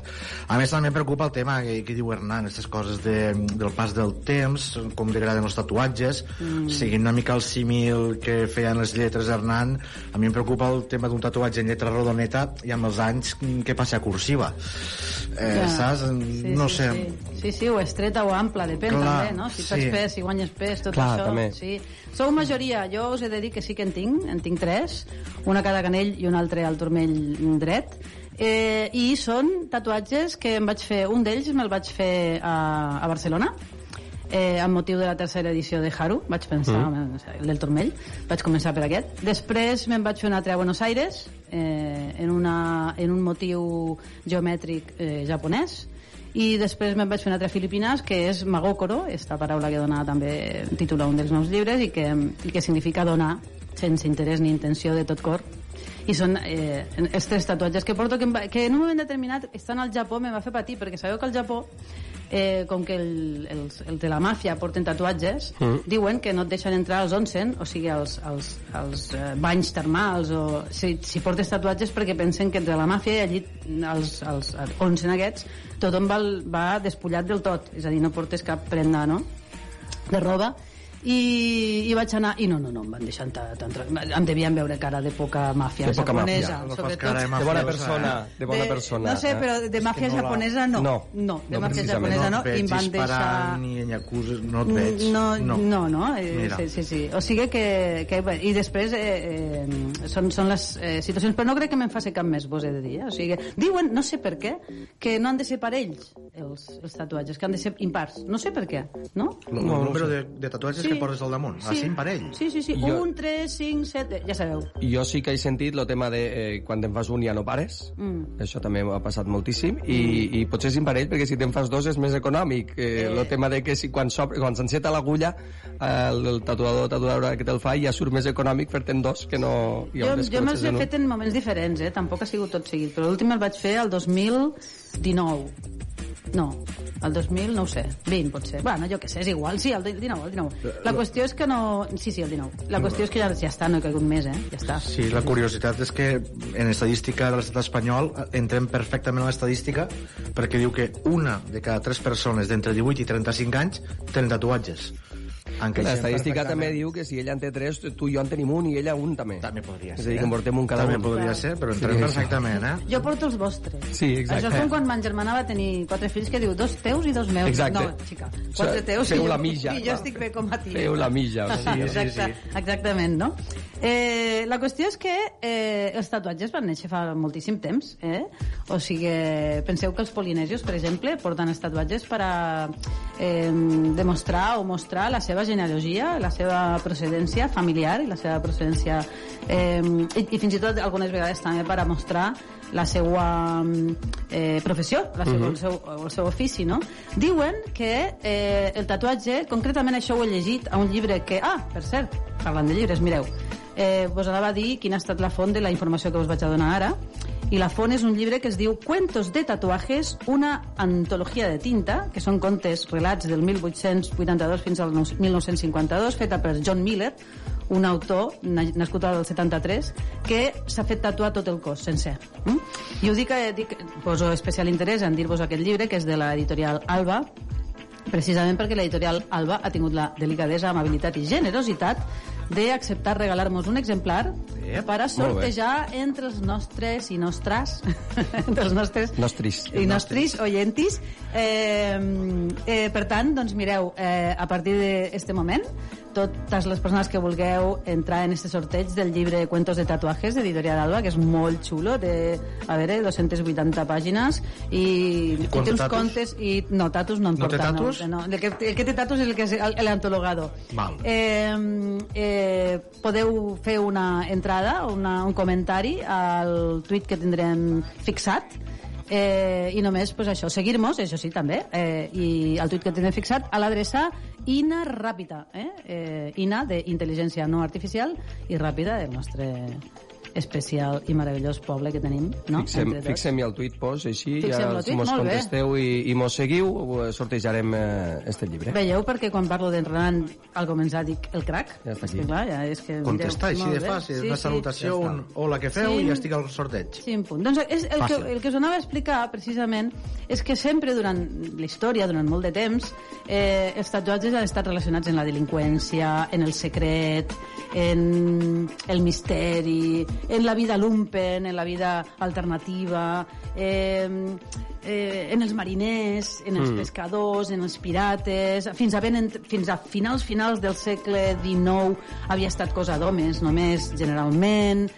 I este John Miller diu al començament del pròleg de, del llibre que comentem, diu i tot este misteri i esta cosa alternativa i misteriosa del món se va acabar el dia que van posar tatuatges a la Barbie. La Barbie té tatuatges? La Barbie. Existeix la Barbie tatuatges. Des del 2000, 2011, creieu-me que vos ho dic, la Barbie tatuatges va sortir el 2011 i en això evidentment se va eh, comprovar eh, fins a quin punt s'havia convertit en un eh, reclam, eh, diguéssim, de consum. Hi ha molta purpurina aquí, també, eh? Molta, molta purpurina. Però que es va posar un amor de Ken o... Amor de Ken m'encanta. que- Podria ser, no? Podria Uala. ser eh, el amor de Ken. Home, hi ha tatuatges molt... Eh, molt especials, no? Com el que portava la, la mare de, del Churchill, per exemple, no? que portava una serp. Eh, no, és a dir, que hi ha hagut Una tatuatges... metàfora pel mig. Una metàfora, probablement amb una metàfora pel mig. Però eh, vull dir que el tatuatge a més ha estat obra, i ara en parlarem, no?, de moltíssimes pel·lícules, eh, de moltíssimes eh, novel·les i relats eh, en la qual cosa, i crec que tu, eh, Pau, ne portes uns quants, no?, de eh, motius pels quals la gent se tatua, pel·lícules on han sortit els tatuatges... Sí, Sí? jo m'he fet aquestes preguntes i mm, sabeu que el món del cine és una miqueta la moa, la moa dèria, per no dir la moa, la moa perdició, també. I, i clar, m'he plantejat estos dies, quan vam plantejar el, lo, lo tema, de dir, ostres, vaig a pensar en pel·lícules en les quals els tatuatges haguin sigut o decisius per a la trama o impactants fins al punt de dir, recordaré aquesta pel·lícula no per la trama, sinó pel personatge que tenia, doncs, pues això, un tatuatge impactant. I me n'han sortit tantes que he hagut de desistir i dic, mira, me'n queden 5 Mhm. i he fet una mena de rànquing a veure si les recordeu una mica en mi i, o si us animo a veure-les eh, la primera que recordo que em va impactar moltíssim i me'n vaig a una pel·lícula de fa un grapat d'anys The Pillow Book del Peter Greenway Oh, sí. protagonitzada per l'Iwan McGregor super jovenet, tenia 20 i pocs anys encara l'Iwan McGregor ni per ni intuïció sabia l'home que faria Star Wars encara, ni de conya doncs aquella pel·lícula, si recordeu ell portava tot el cos tatuat en una mena de, de, de relat oriental de manera que havia convertit el seu cos en una edició única d'aquest llibre i per això era pues, bueno, l'objecte de desig i de persecucions i tot això, de Pillow Book impactant la primera escena en què es trau tota la roba, estira braços i veus tot allò, és, és, és impactant És preciós. Tenim la, la banda sonora de The Pillow Book per aquí? O què? L'anem escoltant de fons, Sí, no? Podem, podem posar... Sí, sí, això sí, és increïble. Bé, que bé, que bé. És increïble. Sí, sí, sí, Però segurament recordareu encara, i si dic la paraula, el nom de Christopher Nolan, recordareu una pel·lícula que es diu Memento, que era de Oh, quan i Christopher. Nolan no havia fet Batmans encara, no s'havia ficat fos del tot, però va fer una pel·lícula increïble, que encara la mires ara i dius, no sé si l'he acabat d'entendre o per on me la pega. Allà m'ho sortia un Guy Pearce, el protagonista, que tenia problemes de memòria i l'home no se li havia acudit res més que en lloc de comprar-se pues, una llibreta o un bloc de pòstits de dir, pues m'ho apunto damunt. I quan encara tenia memòria va començar a tatuar-se coses que hauria de recordar en vida i pistes per a intentar descobrir un crim. De manera que tu estàs veient la pel·lícula, estàs veient tot, tota l'estona un reinici de la memòria d'aquest senyor a través dels tatuatges que té per tot el cos. L'espoilòmetre com el tenim? No, perquè, claro, aquí... Flipa. Sí, sí, Eh, sí, no clar. faré spoiler de cap pel·lícula. De fet, una línia argumental simplement per a dir-vos Molt bé, molt aneu a recuperar-les perquè són... I ara em vaig a posar clàssic. A A tu t'agradarà aquesta pel·lícula, segur. Segur. Beware of false prophets, which come to you in sheep's clothing, for inwardly they are ravening wolves. La nit del caçador, Charles oh. Lafton, espectacular. esta, abans parlava Hernán dels, dels tatuatges petitets i sí.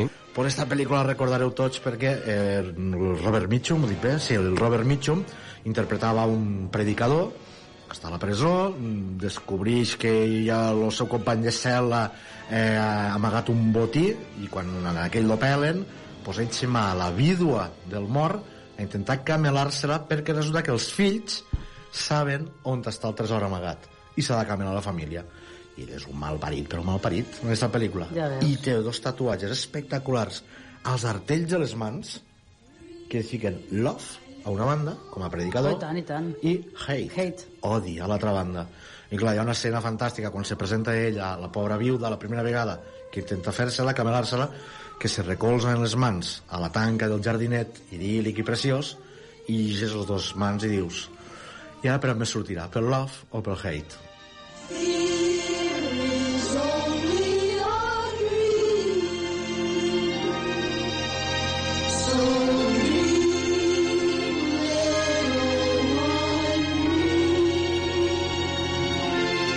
Eh, a veure, l'amor i, i l'estimat o l'estimada és un dels motius pels quals te tatues, no? I, Un i si, dels- te, sí. ah, si te tatues una inicial encara, però si te tatues un nom sencer, què passa? Que després ja sabem que les històries acaben, normalment. És Per una, tant, és ah, una de les raons per la qual la gent se vol eh, treure això, a part, a més, la, la raó estètica, molts pel canvi de faena, eh, la qüestions de, de feina i de, de cada aquella feina que volen agafar eh, alguns models, eh, fins i tot eh, hostesses d'avió o, o personal auxiliar de vol, eh, no, no està ben vist que portin tatuatges i per això és un, també un dels motius pel qual... Estos dos motius són dels, dels que més la gent demana treure's els tatuatges. Clar, tatuatges visibles, perquè si tu tens un tatuatge a la natja o tens un tatuatge a, a segons on que no es veu, només això, eh, clar, seria en situacions íntimes, no? O a la platja, què sé jo. Exacte. Clar. encara estan aquests prejudicis no? de Sí, sí, sí, sí. oficis Sí, sí. per un tatuatge i dir up, Quan és qüestió de desamor, que et fas alguna cosa, a no sé que et fique tot un nom o alguna cosa, eh, sí que eh, se pot anar més en busca del que es diu un cover, que és Sí. recobrir aquell, eh, o canviar aquell tatuatge d'alguna manera per a que no es note el que portaves al, al principi, i l'altra opció, llavors, és llevar-te'l en, en làser directament per a que eh, la pell quede, quede bé. Sí, perquè si et fas un cover, dic jo, eh? Si et fas un cover, aquell tatuatge sempre serà un cover per a tu. És a dir, tu mai no oblidaràs, tu mai no oblidaràs el que hi havia a baix d'aquell d'aquell cover que t'han fet, per més que hagin convertit un ocell en un dofí. Mhm. Sí, a veure, eh, no? però el làser t'acaba deixant algun tipus de marca també no deixa una perfecció Això no cada sé, vegada què, menos. Hernán? Com cada, va això, cada el vegada menos, sí, sí, cada vegada menos. Lo que passa és que se necessiten molte més, moltes més sessions, les sessions no són barates, és a dir, podem estar parlant perfectament entre que mínim ens podríem gastar uns 300 euros per treure un, un eh, tatuatge d'una mida prou petita. Eh, aquí influeixen molts factors, el color del tatuatge, no és el mateix eh, treure la tinta negra que, tinta, que treure la tinta vermella, per exemple. És més difícil la- la vermella? Sí, necessites una altra freqüència del làser i, per tant, una altra vegada. I això són sessions... es- mm, Se demana, per, sobretot, que es faci de cara a l'hivern, perquè de cara a l'estiu no li podria Clar. tocar el sol en este mm, regenerar de la pell, perquè el que estan fent és matar cèl·lules i per tant reconvertir una mica aquell tros on tens el tatuatge. Però eh, realment queda bé eh? no, no notes que estigui molt cremat ni cicatrius ni res. Hi ha problemes en anteriors, clar, de com és el tatuatge o com te l'han fet, la professionalitat de la persona que te l'ha fet també, te, també influeix, perquè hi ha eh, tatuatges que queden malament i queden en relleu, és a dir, que per molt que te'l vulguis llevar, el relleu del tatuatge podria continuar quedant i per tant tampoc no te la- no te l'acabaries traient del tot però eh, sí que és algo que està eh, cada vegada més demanat. Mm, se veu que hi ha molta gent jove que es fa tatuatges i que a vegades a la setmana ja no el volen. Aquí entraríem al tema de tatuatges eh, temporals de per què no tatuatges temporals, Clar, que n'hi ha, no que existeixen o en el que sigui. clar, sí, que puguen durar-te X mesos, fins i tot anys o setmanes molt bé. Sí, els tatuatges, eh, a mi mm, sí que, per exemple, hi ha eh, algunes anècdotes en esta vida no?, que són molt curioses. Una cosa que m'ha passat en els tatuatges és que mm, mitjançant les xarxes moltíssima gent m'ha fet arribar tatuatges que s'ha fet en frases de Haru, de la meva novel·la Haru, Mhm. i m'han m'han enviat eh, frases o algun eh, kanji japonès eh, i, i dius Eh, és curiós com la gent, quan alguna cosa li suposa, eh, emocionalment parlant, eh, un, un, un moment important de la seva vida se- el vol, el vol deixar eh, no? i clar, és, és molt notre eh, mm, tatuar-te la frase d'un llibre ho trobo I a una companya teua també li va passar que a través de la troballa, la visió d'un d'un tatuatge li va inspirar un conte fins i tot ah, sí, sí, sí, sí, sí. Ara, no sé clar, què ens pots contar d'això de la teva amiga us puc contar, és que ara diu, ell riu, saps? Pau riu de la, de la meva amiga perquè està parlant de l'heterònim que faig servir per a publicar ara també, que és eh, Andrea Mayo. és l'amiga que està aquí a l'estudi però no està a l'estudi No està, però està, no? Que, clar, en este últim llibre que van presentar, que vas presentar tu precisament a l'Església Nova, que ni és Església ni és Nova, eh, el llibre este de relats penediments, que n'hi ha un, que es diu Tatuatge, precisament, eh, que el vaig escriure, per, fixeu-vos que, que curiós, no? El vaig escriure perquè vaig conèixer a una, a una noia en un tatuatge d'un mussol, al braç, gran el mussol, gran el tatuatge. I, mm, llavors li vaig preguntar com és que portes este tatuatge aquí al braç? I em va explicar la història i vaig pensar això s'ha de- d'explicar. Evidentment que està literaturitzat i va ser molt graciós perquè jo me va, voler, me va dir, quan li vaig demanar permís, no? me va dir, eh, si vols t'explico més. Dic, no, no, no, no m'expliques res més perquè si m'expliques res més me, me condicionaràs moltíssim, no? Vaig acabar escrivint el relat i, me, i sa mare, que és, eh, viu a l'Argentina, és argentina, me va enviar un missatge dient-me no, no puc entendre com has encertat tant tot el que van viure en aquell moment. És curiós la literatura, eh? Com de vegades... Eh, I, I si em permets la broma, la sort que vas fer de que t'expliqués aquesta història, perquè si t'arriba a dir m'he fet un mussol perquè sóc fan de Harry Potter, a la Aquí s'ha acabat aquí, se'n va conte aquí. a fer punyetes. Aquí s'ha acabat, aquí s'ha acabat Ja no hi ha història. Sí. Tornem al tema del art en el món dels tatuatges i els tatuatges artístics i la tatuanda artística. Eh, I, eh, com us dèiem, per acabar, llegirem un, us llegirem un conte entre els tres. És un conte que es diu El llenç, eh? Eh, és de l'autor Saki, que us dic que es deia Héctor Hugh Munro, eh, però es va fer dir Saki, i que va néixer a Birmània al desembre del 1870 i que va morir a França al novembre del 1916 eh, que va ser un, un narrador, un novel·lista i un dramaturg que escrivia en anglès, eh, era britànic, i eh, que era reconegut pel seu cinisme, pel seu humor negre, eh, i eh, va tenir molt d'èxit, eh, tot i que tenia alguns eh, secrets ocults que eh, li, van, li van fer viure una vida no tan, no tan fàcil.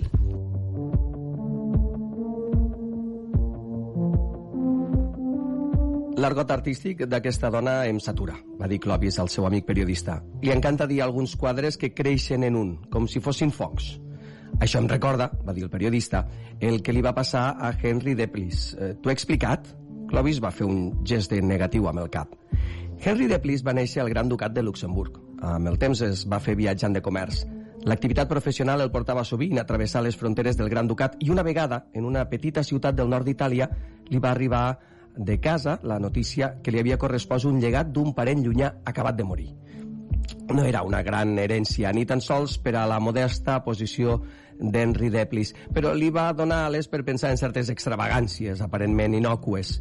Concretament se li va acudir patrocinar l'art local, representat per les agulles de tatuar del signo Andrea Spincini. El signor Andrea Spincini era potser el mestre més destacat de l'ofici de tot Itàlia, però es trobava en unes circumstàncies francament deplorables i a canvi de la suma de 600 francs es va venir encantat a cobrir l'esquena del client des del coll fins a la cintura, amb una lluminosa representació de la caiguda d'Ícar.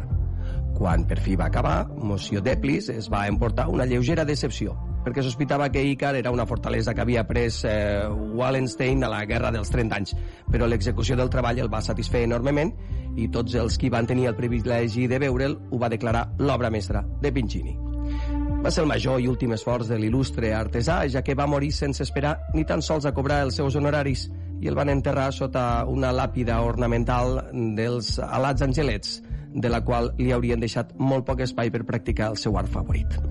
No obstant, quedava la vídua Pincini, a la qual es devien els 600 francs. I així va començar la gran crisi a la vida d'Henry Deplis, viatjant de comerç. El llegat, força mimat pels freqüents petits saquejos a què sovint el sotmetia, s'havia reduït dràsticament i després de pagar una urgent factura de vi i altres despeses pendents, només va quedar-ne 430 francs per oferir a la vídua.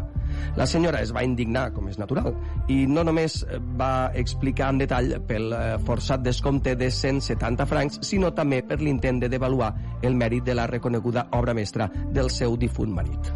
Una setmana després, Deplis es va veure obligat a rebaixar l'oferta a 405 francs, circumstància que va avivar la indignació de la vídua i la va enfurismar.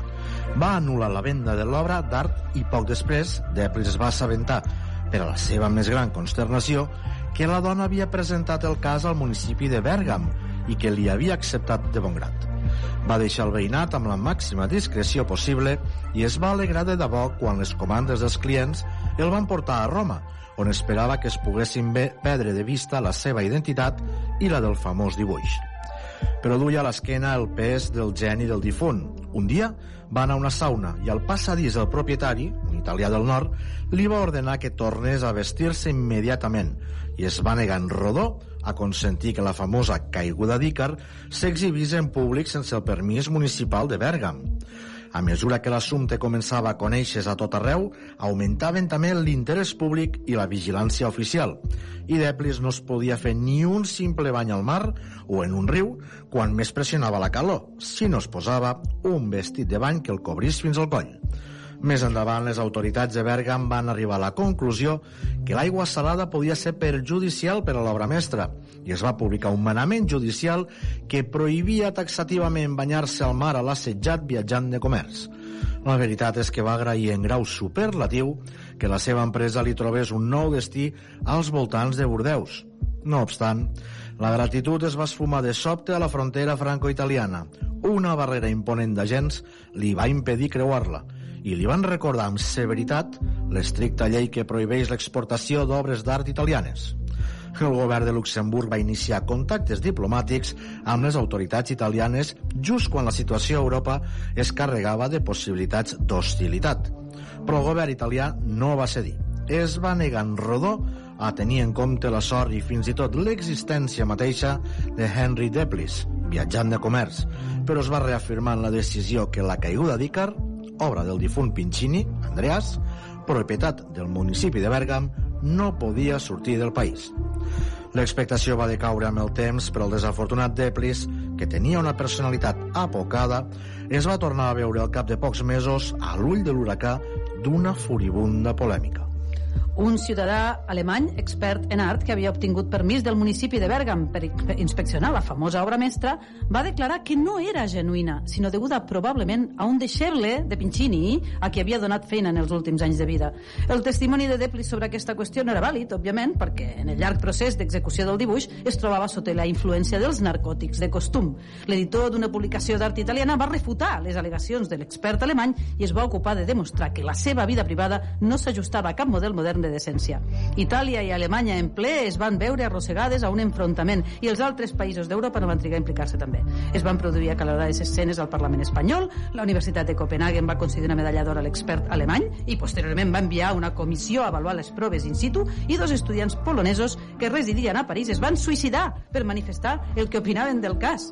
Mentrestant, les coses no van millorar per al desgraciat llenç humà i no és estrany que Deplis caigués a les files dels anarquistes italians. Quatre vegades almenys el van escortar fins a la frontera en qualitat d'estranger perillós i indesitjable, però cada cop l'havien de tornar per la caiguda d'Icar atribuïda a Pincini Andreas principis del segle XX. Fins que un dia, en un congrés anarquista a Gènova, un company obrer, el fragor del debat, li va buidar un flascó de líquid corrosiu a l'esquena. La camisa vermella que portava va mitigar una mica els efectes, però Icar va quedar destrossat, irreconeixible. L'assaltant va rebre una severa reprimenda per atacar un company anarquista i set anys de presó per deformar un tresor artístic nacional. A Henry Deplis, tan aviat com van poder sortir de l'hospital, el van obligar a travessar la frontera titllat d'estranger indesitjable. Als carrers més tranquils de París, sobretot als voltants del Ministeri de Belles Arts, és possible veure de vegades un home entristit i aclaparat que si se'l saluda respon amb un lleu accent luxemburguès. Alberga la il·lusió de ser un dels braços perduts de la Venus de Milo i espera que el govern francès es decideixi a comprar-lo.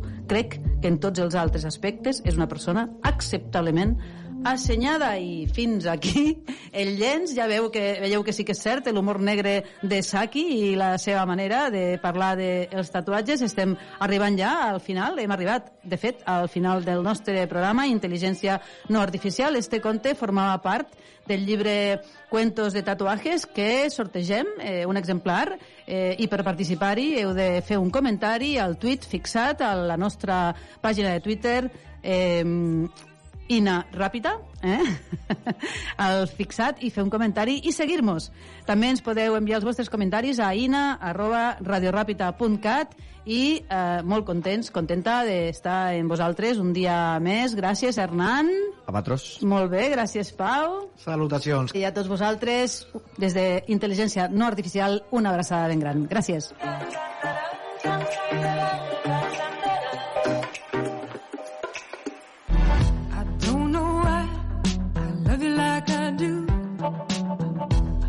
After all the changes you put me through, you stole my money and my cigarettes. And I haven't seen the worst of it yet. I wanna know,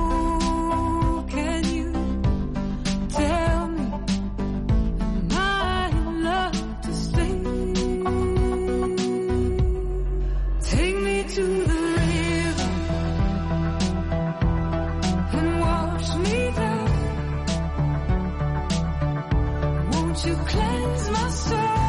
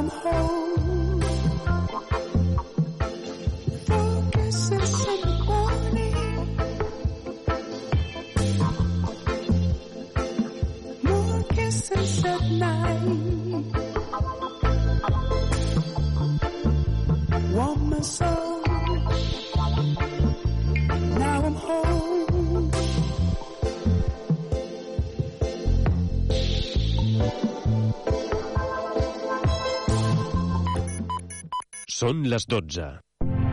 Ràdio Ciutat de Badalona. Escoltem la ciutat.